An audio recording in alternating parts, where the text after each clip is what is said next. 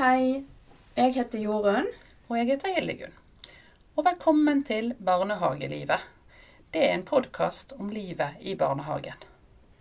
Vi to er pedagoger, og det er vi som står bak Instagram-kontoen og podkasten som heter Barnehagelivet.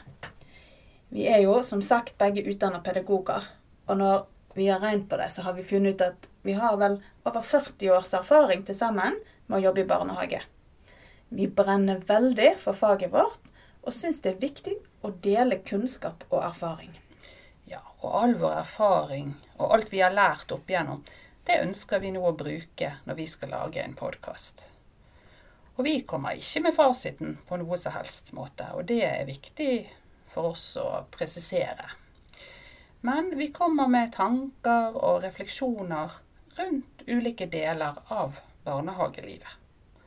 Så håper vi at vi kan være en inspirasjon, kanskje forsiktig og tiltrengt spark bak, og at vi kan belyse mange slags emner.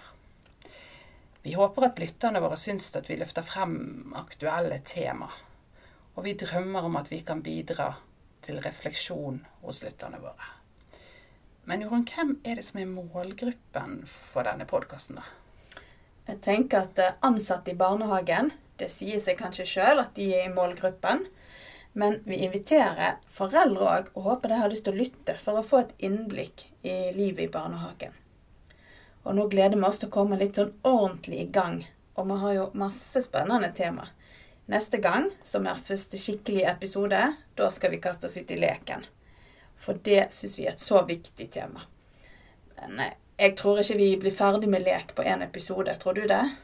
Nei, det tror jeg ikke. Vi må nok sikkert komme tilbake igjen til leken flere ganger. Og vi må belyse leken med ulike vinkler og refleksjoner. Men nå gleder vi oss kjempemye. Følg med. Du kan følge oss på Instagram. Der heter vi Barnehagelivet. Og så blir vi veldig glad hvis du gir podkasten vår noen stjerner og omtale, for da når vi ut til flere lyttere. Og legg oss til på dine favoritter, og fortell alle du kjenner om oss. Takk for i dag, da. Takk for i dag. Ha det.